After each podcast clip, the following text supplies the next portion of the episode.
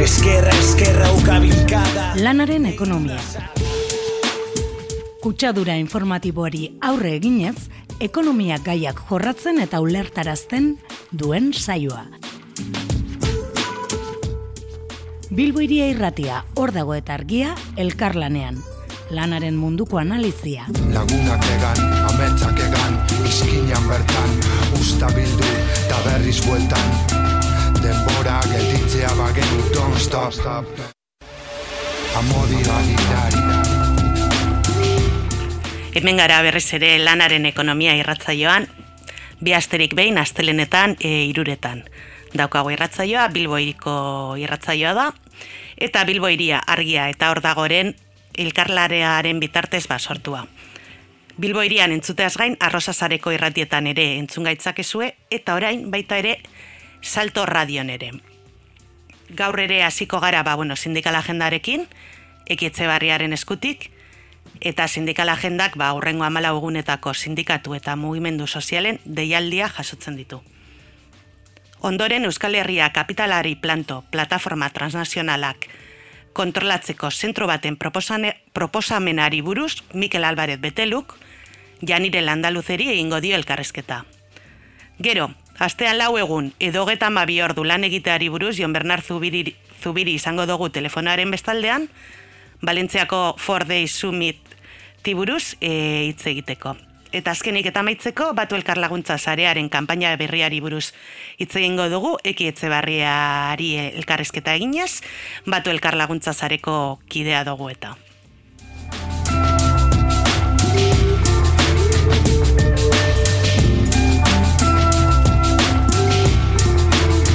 Tira, ba, urrengo deialdekin, e, sindikal agendako deialdekin hasi baino lehen, e, gora hasiko dut, dagoela aukera programa audioak bidaltzeko, zuen e, kolektiboko, enpresako, osea, em, enpresako gatazka baten, edo dena delakoaren berri emateko, urduan, e, zenbakia e, hause da, 6 lau lau, lau bederatzi bederatzi, bos bos lau, astiroago esango dut, 6 lau lau, lau bederatzi bederatzi, bos bos lau. Eta zuzenan ditzera animatzen basarie, aukera dago ere, bederatzi lau, lau bi lau, iru zazpi, zero lau.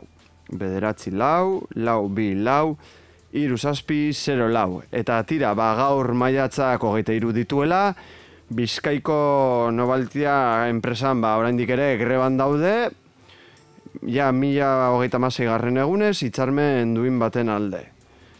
Saratamo eta Seberion dagoen eh, vulkanizado zuloaga enpresan langileak ere greba mugabean daude, hauek iruren da hogeita mar garren egunez, hitzarmen duin baten alde, batez, e, baita ere. E, gero berangon, e, alkontze enpresan, la- hemen ere greba mugagabea dugu, laurogeita bosgarren egunez, e, iragarritako kaleratzen aurka. Bilbon, Bilbao Kirolak erakundeko Gedan Servicios Deportibosen grebaldi e, greba, greban daude eta ba, bueno, oindala bi aste hasi zuten eta ekainaren hogeira arte luzatuko dute e, grebaldia lan baldintza hobeen alde. Gero araban, e, Linamar enpresako langileek hogeita bi egun daramatze, daramatzate, greba mugagabean, enpresaren prekarizazio asmoen kontra.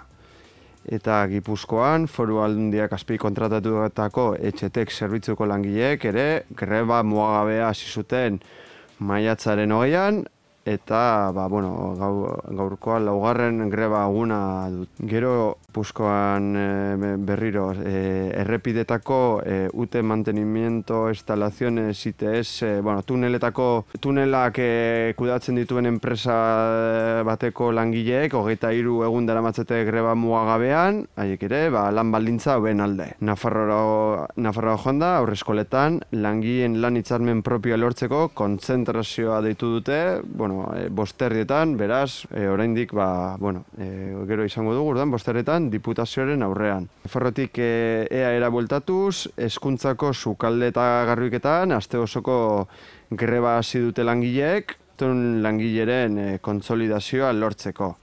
Eta azkenik, e, bueno, zuta genukan e, greba, grebaldi bat, gorlizeko udaleko garbitzaileek, iruren da hogeta sei egun egon dira greban, aurre akordioa lortzeko, a, bueno, akordioa lortzeko parkatu, antzadenez, ba, ja, akordioa lortu, lortu dute, baina orain, e, behar dutena da, e, gorlizeko udaleko osoko bilkuran e, plegua edo e, bueno, horren plegua ez lusatzea erabakitzea. Erabakitzen dute plegua lusatzea, ba, akordioa e, kolokan jarriko litzateke.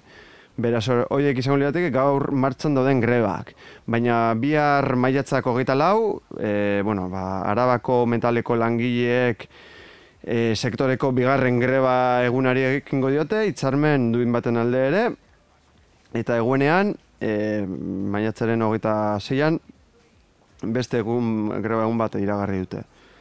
Gero etzi, maiatzako hogeita bost, eguaztenean, Bilboko beti hon e, Barkatu, e, Bilboko, Bilbon dagoen jaurlaritzaren betion telelaguntza zerbitzuko langileek amasei garren greba eguna egingo dute, eta bueno, beste egun batzuk egingo dute honetan, greba egunak, hogeita sei, hogeita saspi, hogeita sortzi, hogeita mar, eta hogeita maikan.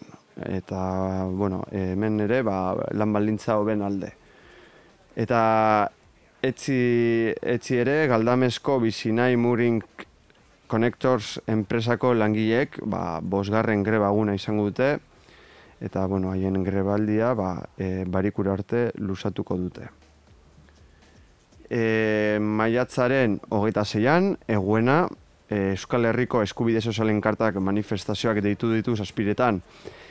Ego Euskal Herriko lau hiriburuetan, pobretzaren aurrean, energia publikoa eta beraztasunaren banaketa e, aldarrikatzeko. Eta gero, ba, Orozkoko Madres Mercedarias egoitzako langileek ba, greba egun berri egingo dute, hori maiatzaren hogeita zeian, eguenean, eta, bueno, iragarri dutenez, ekainaren bi bederatzi, ama bosta hogeita iru eta hogeita marrean ere, ba, greba egunak izango dituzte. Maiatzaren hogeita zazpian, barikua, Gipuzkoako enguintzaren merkataritza sektorean greba egingo dute, lan balintzak hobetuko dituen eta kalitatezko enpleguak bermatuko dituen intzarmen baten alde. Gero, urrengo astean, maiatzaren hogeita marrean, astelen legez pentsionista kontzentrazioak egingo dituzte herri guztietako plazetan, amabietan, ba, pentsio publiko duinen alde, eta gero bestalde batetik pentsioekin zerikusia duen, e, bueno, edo pentsio dunen arazoekin zerikusia duen gai bat, bizkaiko zahar egoitzetan, sektoreko greba deitu dute, ba, sektore publikoarekiko ekiparazioa eta langile gehiago eskatzeko.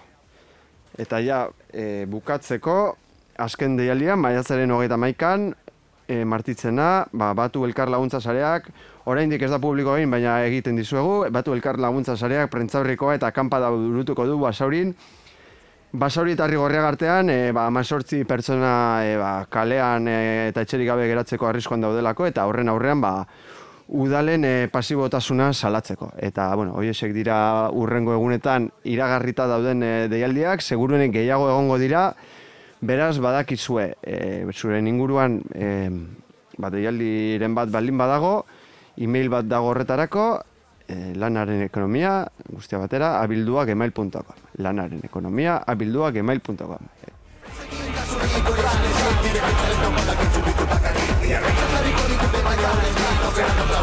abilduak email.com.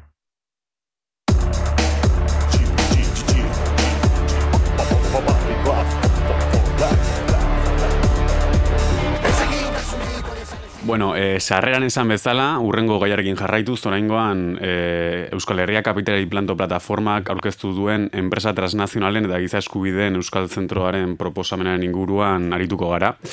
Eta horretarako, Janire landaluze daukagu Euskal Herria Kapitali Plantoko kidea. Kaixo, Janire? Kaixo, arrastion. Arrastion. E, beno, e, lantzen ari zareten proposamen hau zertan datza, ze, ze helburu ditu? Bueno, ba, Euskal Herria Kapitalari Planto plataformak e, ezinbestekota e, ezinbestekotzat ulertzen du modu batean edo bestean enpresa transnazionalak bai kanpotik honea Mm, datosenak zein hemengo enpresak kanpora e, operatzera doaztenean, ba beraien egitekoak modu batean edo bestean e, kontrolatzea e, ba, bueno, giza eskubiden urraketei dagokien ikuspuntutik. Orduan, zentsu horretan, ezinbesteko txatu lertzen dugu, ba, gaur guri ustetan e, ez dagoen, edo existitzen ez den kontrol e, publiko bat e, martzan jartzea. Eta hori da pixka batean eta oso labur zentroak e, bilatzen duen helburua, ez? Ba, modu batean edo bestean, e, hemengo instituzioak implikatzea e, ba, bueno, zentro horretan enpresek e, bai hemen edo bai kanpoan egiten dituzten e, ekintzak modu batean edo bestean e, jarraitzeko edo mm, eta hortik aurrera ikustea ze puntutar arte ba, gizasku biden urraketa bat emon daiteken, ez? Hori izateke, mm, zentruak ofizioz egingo dukeen e, egiteko bat, ez? Baina bestaldetik ere posiblea da, ba, bertoko edo kaltetuak direnen eskutik, e, ba, bueno, beraiek e, modu batean ere urraketa horiek maiganean jartzea, horiek modu batean edo bestean, e, ba, bueno, e, ikuskatzea eta neurtzea sepuntuta arte urraketa bat egon daiteken edo ez, eta horrela, e, suertatu dela.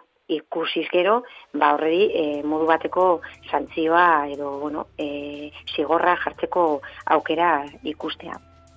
E, bueno, aipatu dituzun helburu hori guztiak okerrez banago e, dagoeneko zuen gogunean eskuragai dagoen dokumentuan daude jasota ez da eta, eta bueno, okerrez banago ere e, eragile ezberdinekin harreman bira bat e, abiatu duzue e, horretan ari zarete ze, zein fasetan dago orain kanpaina? Bai, bueno, bai, webunean badago dokumentua, gomen, e, dokumentuak, bueno, ba, zentruaren norainoko guztiak azaltzen ditu, ez? Bai, sorrera, nola eratuko zen, zer nolako organuak izango litzatoke, zer nolako, ba, bueno, egin beharrekoak izango lituzken, nortzuk kudeatuko luketen, bueno, guzti hori, ez? Eta web horri alden ere, e, dago orain, e, manifestu antzeko bat, horredi, ba, bueno, e, modu batean nahi dugulako, e, ba, bueno, e, zuzenean, e, gaiarekin harremana dituzten e, ba, bueno, e, iruanka, orain azalduko ditudanak, ba, modu batean horrei atxikimendu ematea eta zentuaren aurre, e, sortzeari buruzko aurrera pausu bat ematea, ez? E, zer egin dugu orain arte? Bueno, orain arte e, egin duguna izan da zentuaren norainokoak ezagutzen ematea, e, bueno, ulertu izan dugu edo pentsatu izan dugu e, gaia e, gizarteratzea eta gaiaren inguruko kontzientziazio eta sensibilizazio mai bat e, lantzea ezinbestekoa zena eta horregaiti ba bueno, ezagutzen eman dugu eragile eta mugimendu sozial ezberdinen artean, ez? Ba, jakin mm, dadin e, zein den gure iniziatiba. Gero instituzionalki ere ba, alderdi ezberdinekin, bai diputazio mailan eta bai gobernuan dauden alderdi ezberdinekin, ba, bueno, e, ronda bat zabaldu dugu, e, guztiekin egon garela esango nuke, eta bueno, ba zentroaren norainokoak eta beraiek zentroaren inguruan eta ideiaren inguruan zuz, e, zuten e, iritzia eta hartu emana jasotzeko asmoarekin egin dugu ronda hori, ez? Eta hirugarren e, helburua eta hirugarren lan hildoa izan da, ba bueno, gai honek modu zuzen batean langileriari ere e, ba, bueno, eragiten dionez, e, enpresagietan lan egiten duten langileek, ba, bueno, jakinaren gainean ere egon behar dutelako, zer nolako praktikak aurrera ematen dituzten enpresa horiek, ba, bueno, bai hemen eta bai e, kanpoan e, operatzen dutenean, eta e, enpresa e, esanguratzu batzuetan, eta ezagunak diren, eta garrantzitsua gure ustetan, e, e, euskal e, ba, bueno, irudi hori saltzerako unean, ba, ere, kanpaina egin dugu, ba, bueno, zentroaren norainokoak azalduz, eta orain momentua da, ba, bueno, egin ditugun informazio eta bilera guztioien bueltak jasotzea, eta ikustea ze puntutar arte lortu dugun bai eragileen artean, bai alderdien artean, eta bai ba, bueno, langilearen art, langileriaren artean, ba, bueno, hartu eman hori eta iritzi hori, ez? Eta horreiti gaude orain, atxikimenduak biltzeko e, fase horretan. E, bueno, egia da Euskal Herrian, bai mugimendu sindikalak, mugimendu feministak, uh -huh. e, ba, esperientzia luzea daukala, transnazionalen gehiageriak salatzerak orduan. Baina egia da ere, bai. lehen entzunaldi batean, e, bueno, egin duzen proposamenak e, berritasun puntu bat ere baduela, ze azkenean, instituzioen gain jartzen du ardura hori, edo behintzat proposamen bat egiten dio arro instituzionalari. E, posible litzateke, boronante politikoa balego beti ere, e, horrelako zentro bat aurrera eramatea Euskal Autonomia Erkidegoan, edo ezagutzen duzu beste lurralderen bat horrelako zerbait egin dena? Bueno, ondo esan duzunez, egia da izan, e, e, ba, bueno, gai honetan eta beste eh, askotan bezala edo guztietan bezala borondate politikoa izango dela e, hor e, ba, bueno, e, abia puntua posiblea den edo ez e, argi utziko diguna, ez? Baina argi da, argi dagoena da posiblea, posiblea dela, juridikoki ere ba, bueno, posiblea da, eta hor daukago adibidez Kataluniako kasua, ez? Katalunian, e, e, bueno, 2006an ja martzan jarri zuten e, horrelako zentru bat sortzeko proposamena, eragietatik eta plataforma batetik ere etorri zen eskarari e, Katalunian parlamentuara, Kataluniar parlamentuan ez da hori aurrera da manda, E, egia da, ba, bere, gaiara, bere garaian eten egin zela, ba, egoera politikoa zela eta, baina orain berriro e, ekin diote gaiari eta de hecho orain onartu eginda e, Kataloniako parlamentuan lege eta e, zentrua sortzea eta hori horren norainokoak e, eztabaidatzen dabiltzate orain, ez? Zer nolako forma eman eta eta eta nola, ez? E, hemen ere posiblea da e, gia da izan, e, adibide hor dagoela, eta egin, egin daiteke, ez? Lehenengo puntua litzateke bonondate politikoa, noski. Bigarrera ere, eta gu e, realista gara, e, legebiltzarreko gehiengoak badakizku gula zintzu diren, eta horre, hori, onkaur, e, dakigunez, e, Euskal Herria Bilduk eta Podemosek, e, bueno, e, zentrua sortzekoaren aldeko jarrera adierazirigute, ez? Orduan, e, orain ikusi beharko da, e, gainontzeko alderdiek zer esan daukaten gaiaren inguruan, eta ikusi beharko da ere, baguk e, honekin jarraitzeko asmoa dugunez, PNL bat aurkezteko asmoa dugu, eta PNL horren e, proiektu no esan nahi dut, eta PN hori e, mai gainean jartzen dugunean, ikusiko dugu benetan, ez sustatuko dugulako, horraitik aurkezten dugu era horretan, ikusiko dugu benetan, ez ireki, eta e, gaia mai gainean jartzen dugunean, ba, bakoitzak zer esan daukan, eta benetan e, zergaitik eza, ez etza baldin bada, zergaitik ez hori, ba, gure e, ustetan, ba, bueno, e, zentzurik izango ez duen erantzule izango den, ez? Hmm, e, bueno, Euskal Herria ere bada, ez? Eta ulertzen du proposamen hau ere horretara doala, e, enpresa transnazional askoren sorlekua, Baina baita ere, bai. enpresa askoren elmuga edo jopuntua ere bada, eta gaur egun berezi daukagu, hain zuzen ere Siemensek eh, adirazi duelako gamesa erosteko eh, borondatea edo, edo bai. aurrera mateko prozesuaren eh, norabidea. Eta lehen hasieran komendatu duzu apuratu, baino, eh, zentroaren proposamenak aurre ikusten du formularen bat, neurriren bat, edo regulazioaren bat, kanpotik datozen enpresa hoiei muga jartzeko, edo behintzat eh, kontrol bat jartzeko? Bueno, hemen dakigun bezala e, e, formulak e, egon badaude, formula juridikoak ere hor daude, eta argi dagoena da, e, kanpoti datozen enpresei, hemen dagoen praktika ohikoena izaten dela, ba, modu batean edo bestean, ona sartu daitezen, ba, diru laguntzak emon, edo guk esaten dugun moduan, ba, alfombra gorri bat jarri, eta inolako kontrolpean operatzen diren duten enpresak direla, ez? E, argi dagoena da, e, ba, bueno, e, kapital publiko bat e, mai gainean jartzen denean, beti baldintza, baldintzatua izan daitekela. Hau ezin dela izan karta txuri bat, eta horren gainean edo nork, edo enpresa, edo zein enpresak nahi duena egin dezakela, ez? Guk argi daukagu, arautu daitekela, zehaztu daiteketa, edo zein enpresa subkontrata batean e, administrazio publikoan sartzen den moduan, ba, ba e, e, baldintza pligoekin egiten den moduan, eta argi daukaguna ere, hori arautu daitekela, zehaztu daitezkela mugak, eta behin mugan, muga hoien urrak eta ematen denean ere, horren ondorioak ere, edo etorri daitezken e, zigorrak, kakotzartean ere, hoiek e, zehaztu daitezkela, ez? Eta adibidea izan daiteke, bueno, ba, horrelako bat, bateren batean, e, e, jauziz gero, ba, e, ba, inoiz gehiago, e, emengo administrazio batekin ez operatzeko aukerarik, edo ba, nadakoa, ez? Aukera badaude, baina argi daukaguna dela da, ba, bueno, e, kapitalaren aur, horrela kapitalari aurre egiten diogula, eta Euskal Herria Kapitalari planto plataformak hori argi daukala, baina jakin beharko genuke ia ba, Euskal Herri Ertzaileak, e, e, e, Partio Sozialistak eta eta bestelakoek horreri aurre egiteko e, kapaz edo borondatea duten edo ez. Ba, mezu horrekin amaituko dugu elkarrizketa, eh, eskerrik asko janire gurekin izategatik, eta, bueno, atentzioz jarraituko dugu proposamen honen bilakaera. Eskerrik asko. Oso ondo, eskerrik asko zuei. Agur. Jodiendo la iglesia que me dicen el boca sucia.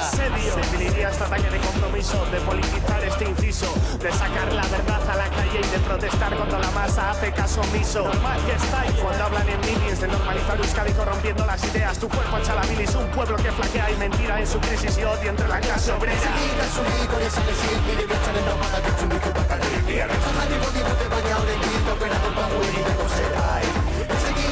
código y sale siente y me conserva para que el público va a Y al rechazar el código de Valladolid en mí, no frenando la web y te conserva ahí.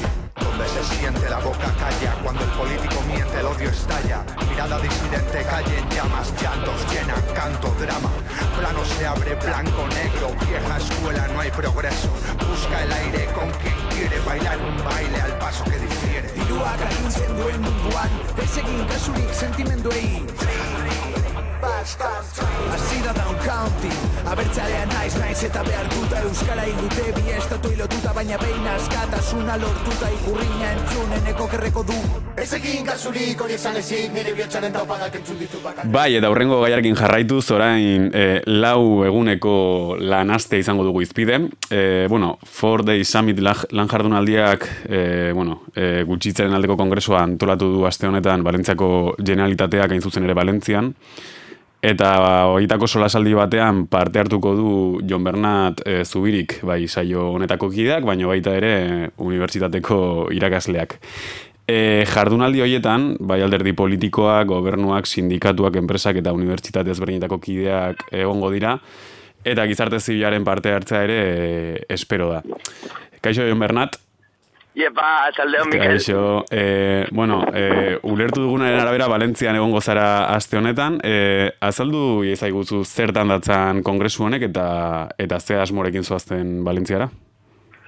Bueno, ba, Valentziako generalitateak e, apurtxu bete ba, gure ba, Euskaletik gertu dakogun ba, eskerreko gobernutik e, da esanguratsuenetako bat da, e, aspaldin gainera dauena, alderdi sozialista Podemos eta Kompromis, e, indar valentzianistan arteko gobernua da, eta kompromisdeko lan ministeritza edo lan kontseilaria, lan kontseilaria Enrik Nomedeu da nori kompromiseko kidea. Kompromis, e, ba, bi- e, gobernu horren lehendakari ordea da Monika Oltra, e, ba, ezaguna dan e, politikaria.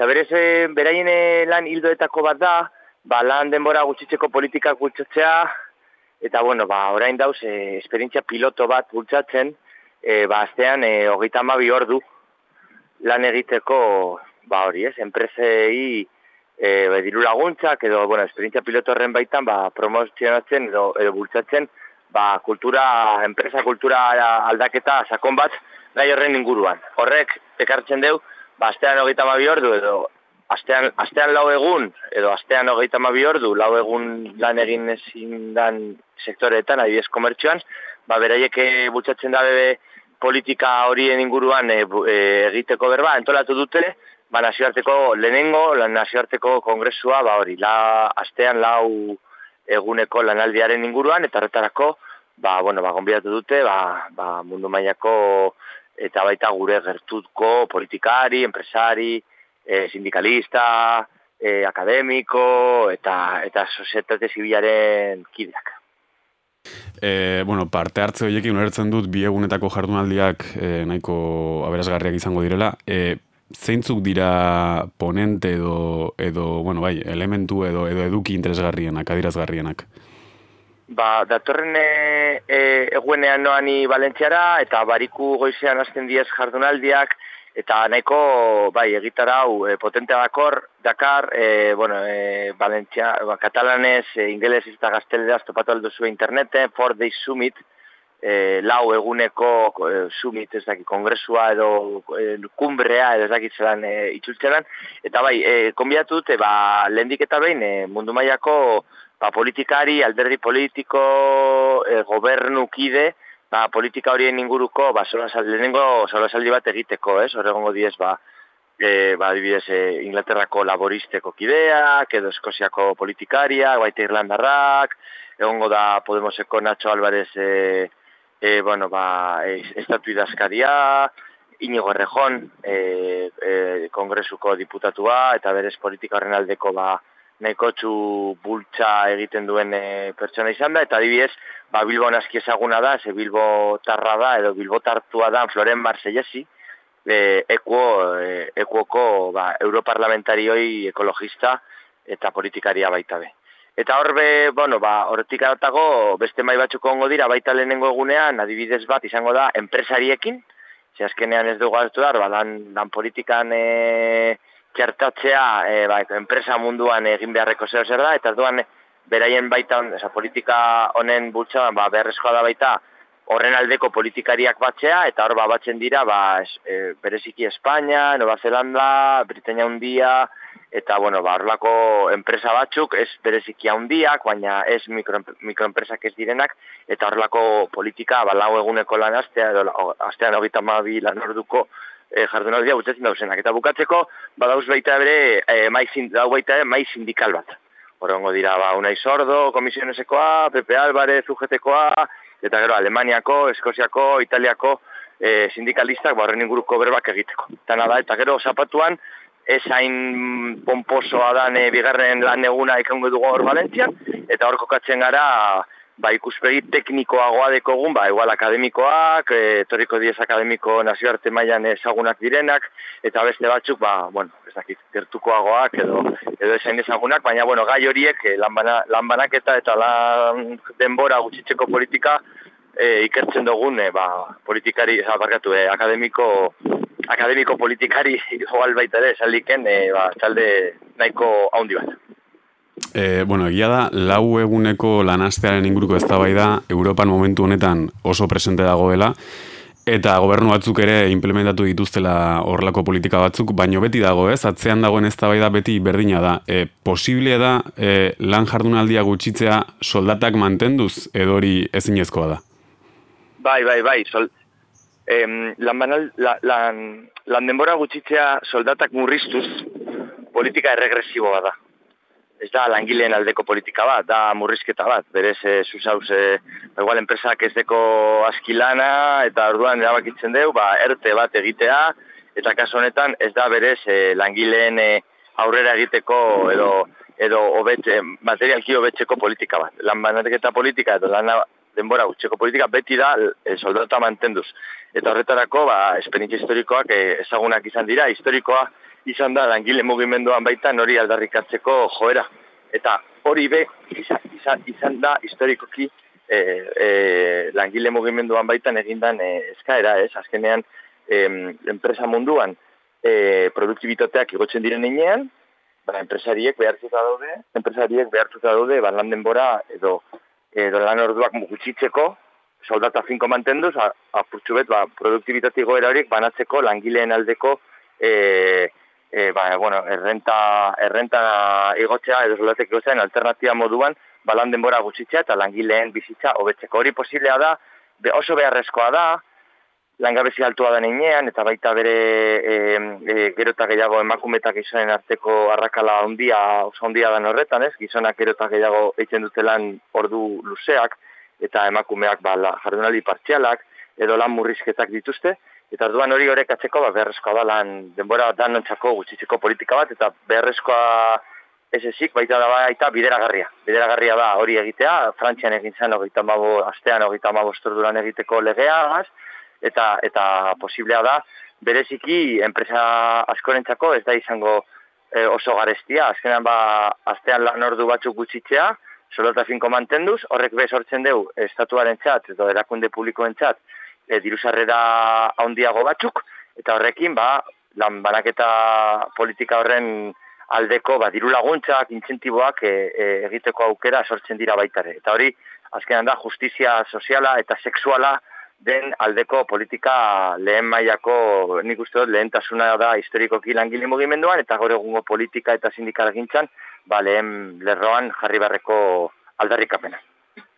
E, lehen aipatu dizkiguzu gainetik e, ze ponente gongo diren hor e, kongresuan, sumit, sumit honetan, Eta, bueno, futbol klabetan hitz egin agian amaikako titularrar baten aurrean aurkituko ginateke ez, ez Espainiar, Espainiar ezkerrari dagokionez hor, Nacho Álvarez, Yolanda Díaz, Monika Oltra, Inigo Rejon, eta unai sordo bezalako ba, izenak ditugu.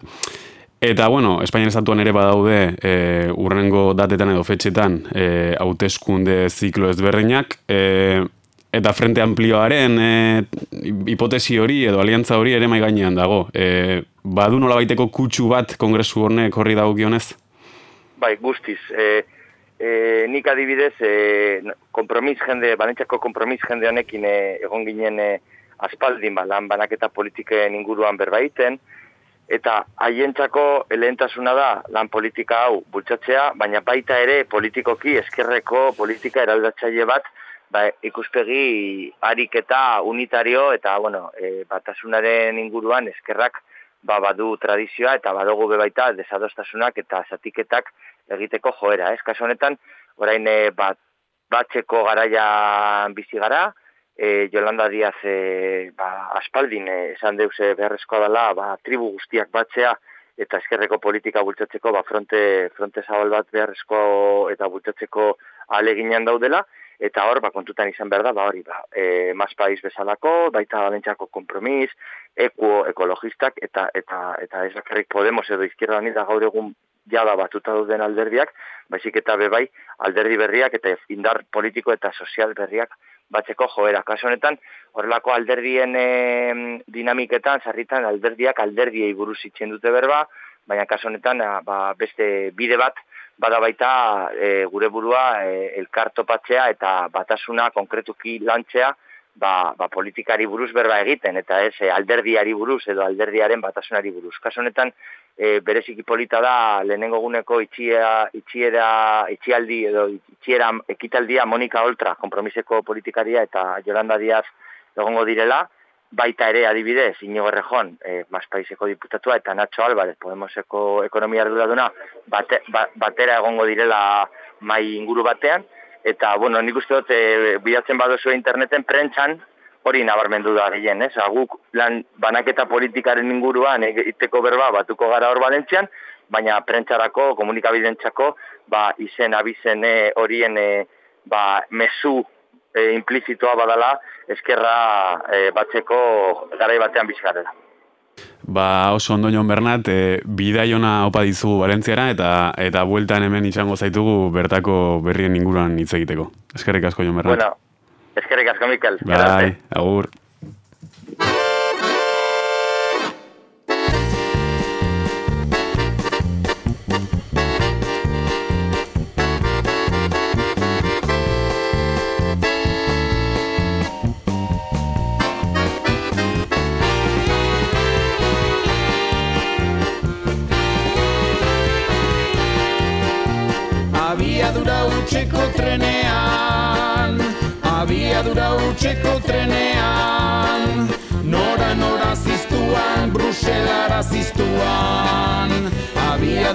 Abiadura utxeko trenean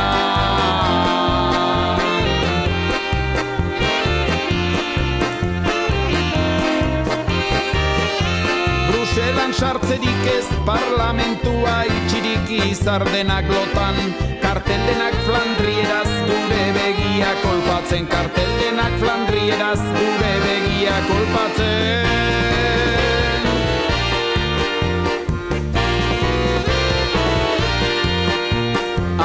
Abiadura utxeko trenean. Abiadura utxeko trenean. Nora nora ziztuan, Parisera ziztuan. Abiadura utxeko trenean.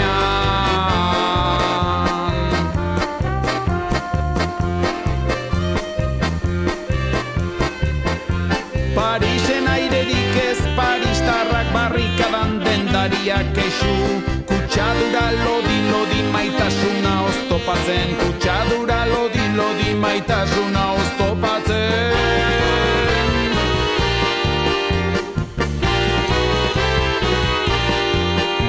Abiadura utxeko trenean Abiadura utxeko trenean Nora nora ziztuan, Madrilera ziztuan. Abiadura utxeko trenean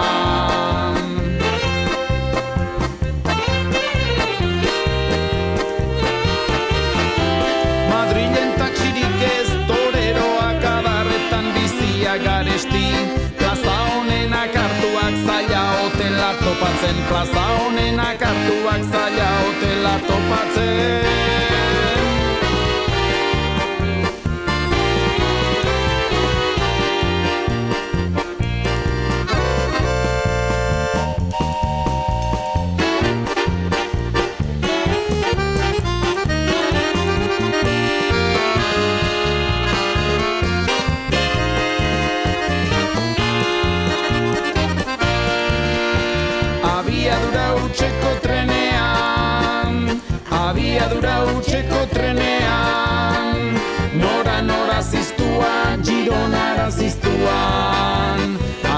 Abiadura utxeko trenean.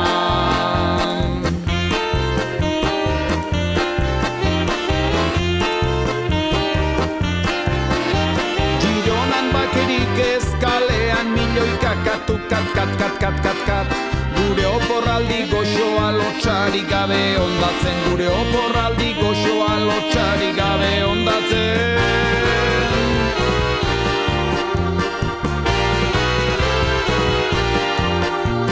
Abiadura utxeko trenean. Abiadura utxeko trenean. Nora nora ziztuan ta fallara ziztuan. Abiadura utxeko trenean.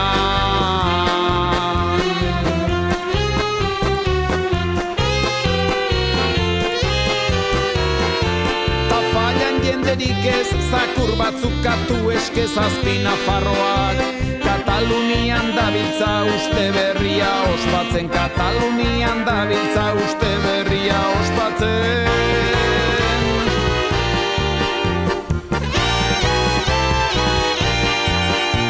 Abiadura utxeko trenean Abiadura utxeko trenean Nora nora ziztuan, zora zora ziztuan.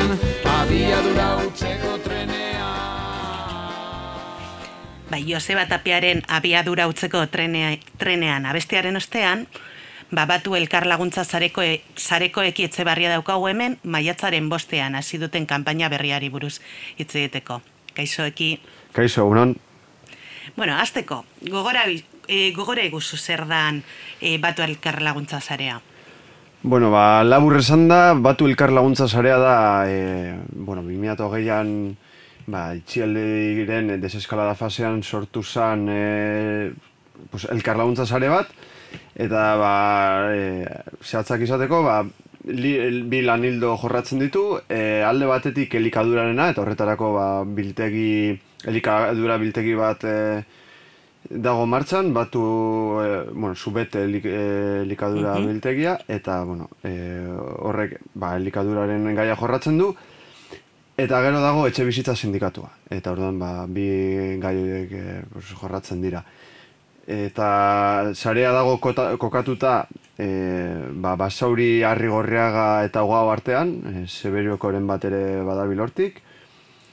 Eta, bueno, e, horrez gain, e, ba, bueno, e, holan, e, aurkezpenean, ba, idai garrantzitsu moduan, elkar laguntza, esatik elkar laguntza eta hori, ba, bueno, e, elkar laguntzaren idea, ba, e, sarean e, pisu handia duen e, printzipioa da, izan ere, ba, bueno, e, nahi dana da, batez ere, ez jendearen arazo elikadura edo etxebizitza sindika, e, etxebizitza arazoak dituen jendearen arazoa konpondu, baizik eta, osea, ez goaz horra, jenderi soluzioak ematera bakarrik, ba, hori ere, baina batez ere, edo baita ere, e, pertsona horrek e, baien soluzioaren parte izatea ere. Osea, askotan e, jendea doa e, ba, elkartetara, ONG-tara edo inkluso sindikatuetara, ba, bere arazo pertsonalekin ea zer konpontzen dioten, eta gure kasuan, ba, elkar laguntza sarea e, garrantzia handia du,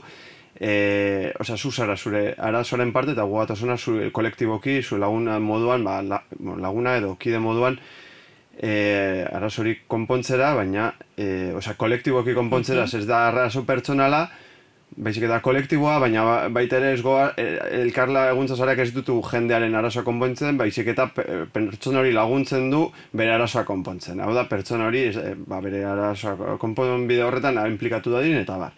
Eta, bueno, hori aipatzen dute, nahiko zentrala delako, eta, bueno, ba, ba hori, litzateke apuro labur esan da, batu elkar laguntza zaren. Bai. Bueno, ba, behin geratu zaigula oso argi, e, zer den batu erkar laguntza zarea, ba, apur bat konta iguzu, ba, maiatzaren bostean hasi duzuen kanpaina berri honei buruz.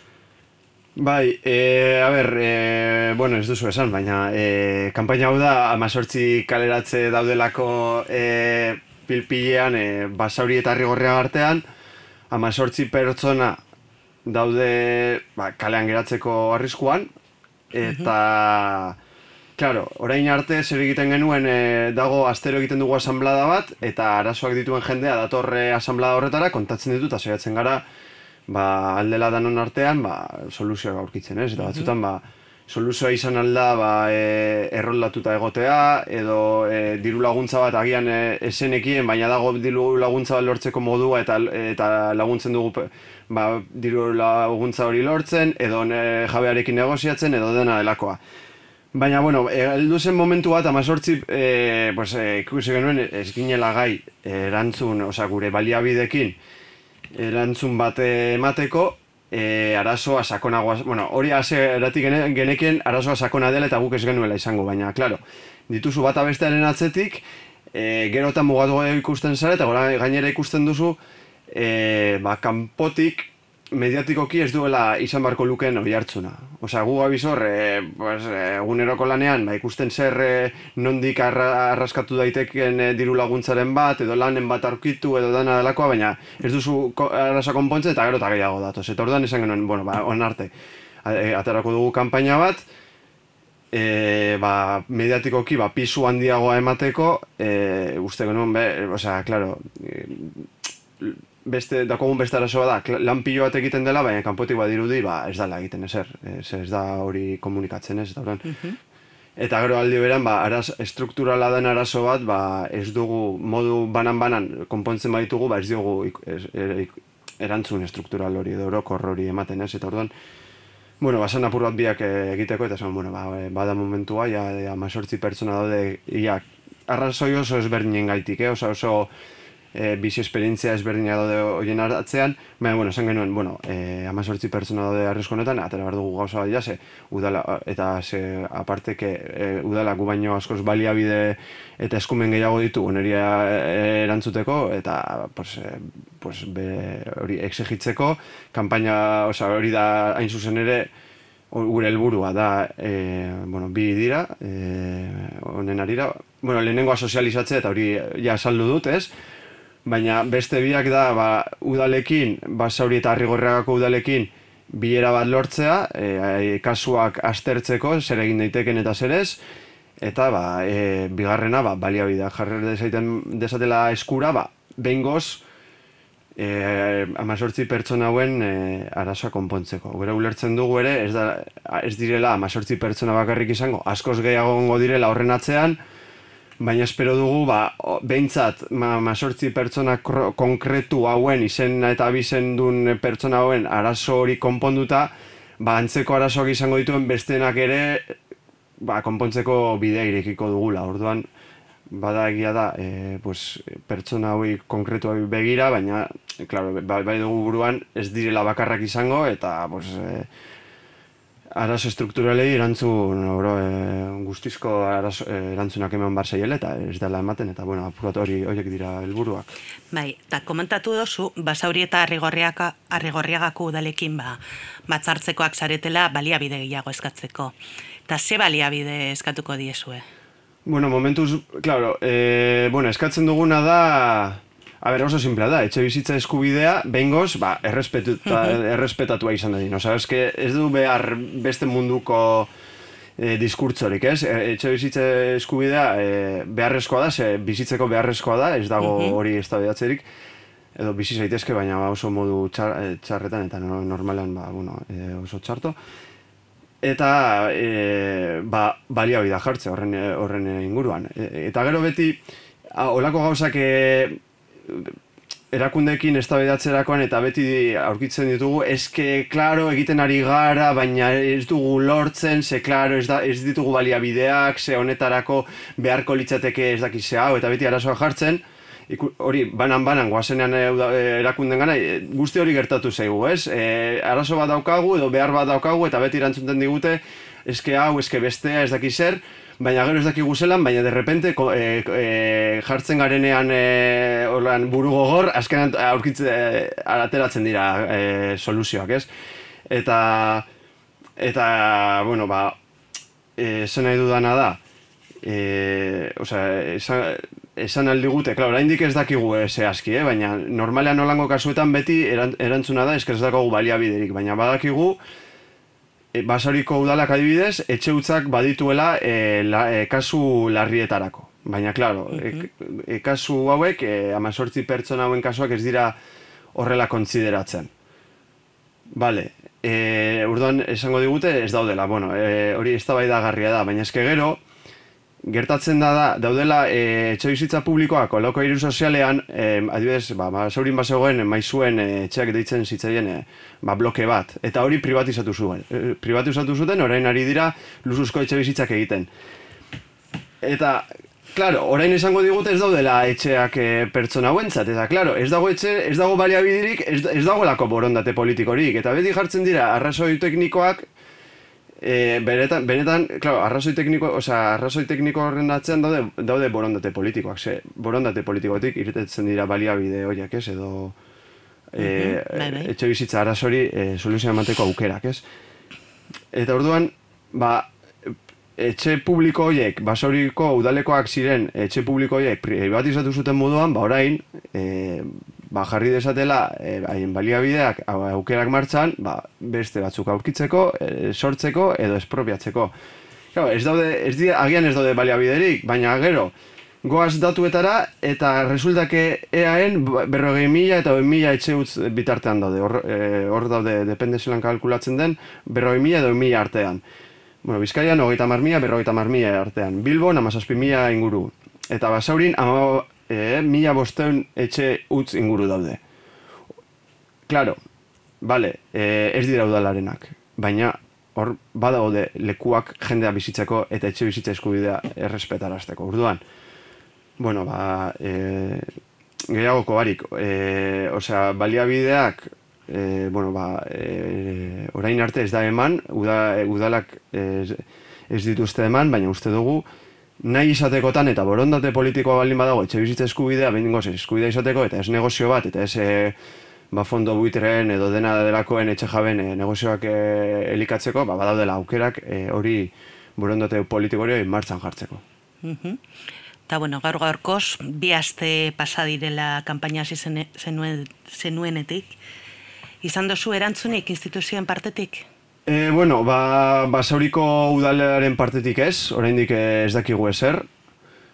E, ez, ez dakigu ezer. Eta gero, arrigorriagako udala, bai, eskat, dakoagu aste azkenan, e, bilera haiekin, eta, bueno, ikusiko dugu ze, ze, ze prestutasun daukaten, gaia jorratzeko, edo ez, edo, edo hori, edo den, bueno, hori, ikusiko dugu. Bai, eta, bueno, zin da, bueno, zuen ideia ez bau zuen jasotzen, ez bauka zuen erantzunik onena, eh, onena aurrean, ze helburu daukazu edo ze mobilizazio klase? Ah, e, bueno, claro, helburua da, ba, e, kampaina jarraitzea lortu arte, e, ba, behintzat amazortzi pertsona hoiei erantzuna emateko. Eta gero, seguramente gehiago aterako dira. Ordangu, ba, etxe bizitza sindikatu moduan, ba, hori errespetarazteko, ba, jarraituko dugu aurrera. E, orduan, baina bitartean, badakogu pentsatuta, hogeita maikan, e, osea, urrengo martitzenean, egingo dugu, gure aste, astero egiten dugun asamblea, astertetan egiten dugu, egingo dugu basoriko ariozgoiti plazan, horren ondoren, e, sortziretan egingo dugu e, prentzaurreko masibo bat, horri dela eta, ba, dut, ba, hortik dagoena, aukera duena, ba, etortzeko prentzaurreko masibo horretara, e, gai, ados balin badago gure helburuekin. Eta gero ba, egingo dugu akampada bat apur bat e, ba, pertsona hauen e, egoera e, transmititzeko. Bale, ba, ba, eki, ba, hemendik ere e, animatzen dugu jentea joan daiten maiatzaren hogeita maikan, basaurin, e, bas, e, ba, prentzaurreko masibo batera, eta bueno, ondoren nahi duenak ere akampada bat izango dela. Ba, hori da, animatzen ditugu guztiak. Hori da. Bueno, urrengo arte. Eskerrik asko. Asi da down county Abertzalean naiz naiz eta behar duta Euskara ingute bi estatu ilotuta Baina behin askatasuna lortuta Igurriña entzunen eko kerreko du.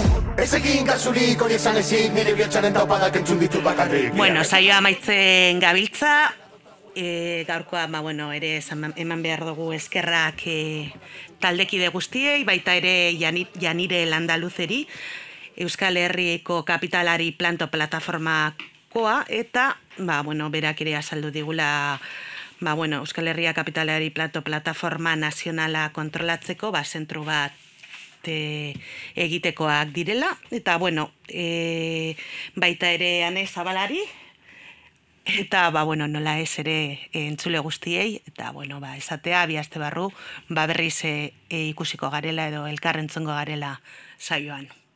Eskerra, eskerra, ukabilkada Lanaren ekonomia. Kutsadura informatiboari aurre eginez, ekonomia gaiak jorratzen eta ulertarazten duen saioa. Bilbo iria irratia, hor dago eta argia, elkarlanean. Lanaren munduko analizia. Lagunak egan, ametsak egan, izkinan bertan, usta bildu, eta berriz bueltan. Denbora gelditzea bagenu, don't stop.